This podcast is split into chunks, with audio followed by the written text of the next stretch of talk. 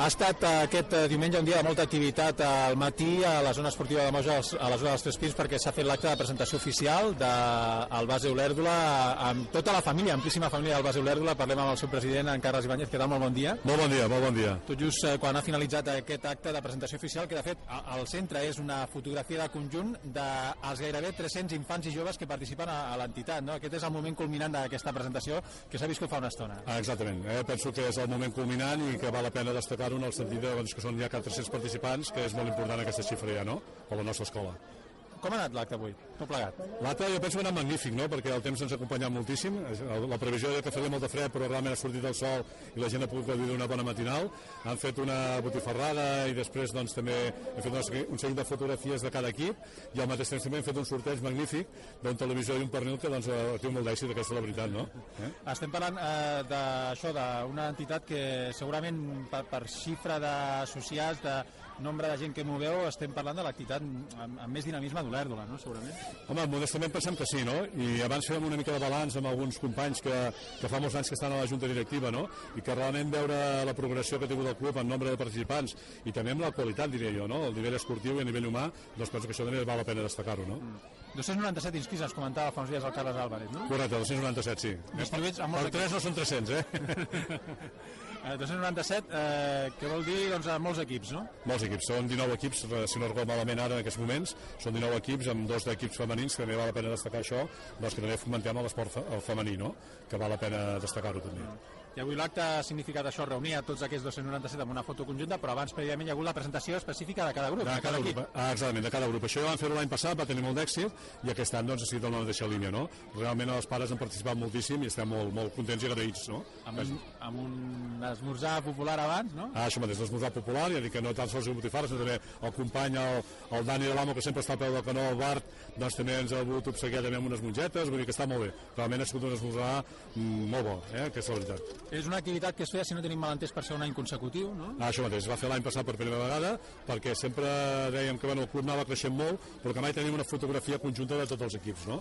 i l'any passat ho vam aconseguir aquest any doncs, eh, amb la iniciativa de l'any passat doncs, se, se sigut mantenint no? Això vol dir doncs, que l'any que ve també la idea és mantenir-ho, això, no? Una Home, activitat maca. Jo penso que val la pena, val la pena perquè d'alguna manera reunim els pares, els jugadors, els tècnics, en aquest cas també doncs, ens ha acompanyat també l'alcalde de- d'Olèrdola, també el cap de llista de CIU a Olèrdola, Joan Maria Sánchez, el Josep Tort el- com a alcalde, i també doncs, el, el delegat federatiu, el Manel Duran, com a representació de la Federació Catalana de Futbol. No? Realment sigut un acte molt entranyable.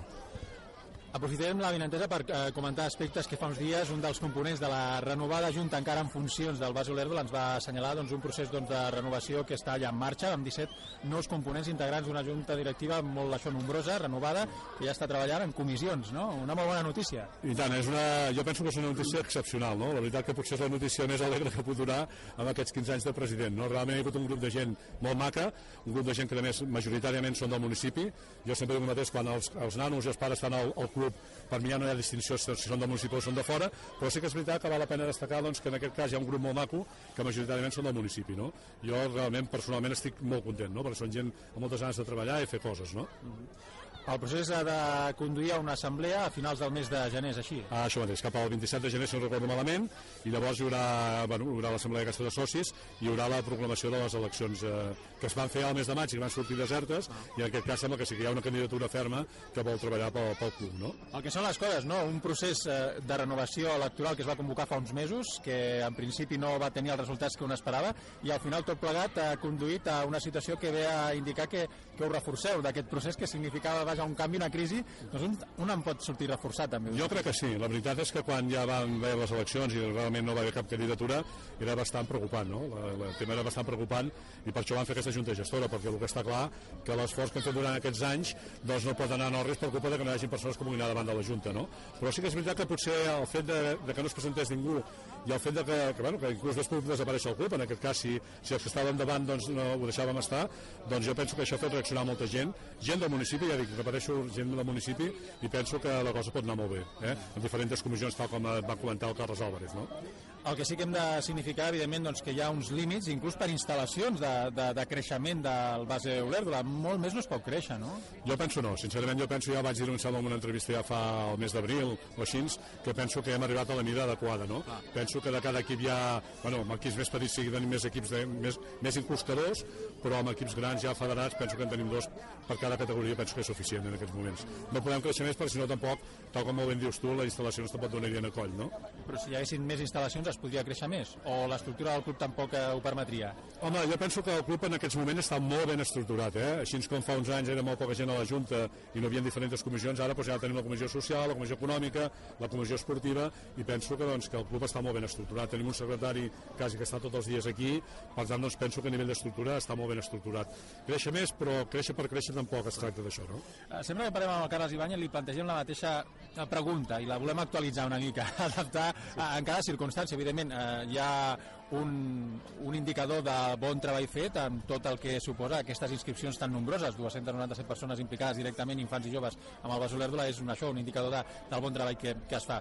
Però també hi ha altres aspectes que expliquen aquest èxit del Basol Erdula. Ens els pots una mica resumir, les instal·lacions, eh, bueno, evidentment, evidentment la, les situacions ara són magnífiques, però per aconseguir aquestes instal·lacions, evidentment, doncs, sense el suport de l'Ajuntament i la, la despesa que va fer l'Ajuntament era impossible, no?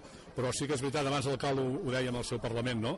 que d'alguna manera doncs, ha valgut la pena fer aquestes instal·lacions perquè realment són instal·lacions que s'aprofiten molt. No? A part d'això, a part de que en aquest cas les instal·lacions són magnífiques, també hem de recordar vells temps de gent que ha col·laborat a passar la malla al camp, a marcar el camp de terra, vull dir que no ha sigut fàcil aquests anys, no? Vull dir, ara sí que sembla que tot sigui molt fàcil, però no, no ho ha sigut, no? Però sí que és veritat que potser l'essència del club no s'ha perdut mai, no? Que és aquesta d'una cosa familiar, no? Que la gent s'hi sent a gust, no? I això és més important, no? Des de pares, de jugadors, entrenadors, cos tècnic, junta directiva, penso que això és l'èxit d'aquesta gran família, no? Sempre ho he destacat i penso que val la pena seguir-ho fent, no? L'aspecte econòmic en un context eh, com l'actual de, de crisi també deu de tenir alguna incidència o no? La veritat és que nosaltres el tema econòmic sempre hem mirat d'ajustar-ho al màxim possible perquè tothom eh, pogués venir a jugar aquí al Bas Olèrdola, no? Mai hem, mai hem fet una distinció en el sentit d'una de, despesa molt important que la gent no pogués venir, no? I si alguna persona ha tingut algun problema, doncs parlant-ne, doncs hem mirat de buscar alguna beca a través de l'Ajuntament o, o el que fes falta, no? Eh, de totes formes, ja dic, eh, nosaltres això ho veiem com una, com una que s'ha de fomentar l'esport al nostre municipi i en cap cas veiem com un negoci, no?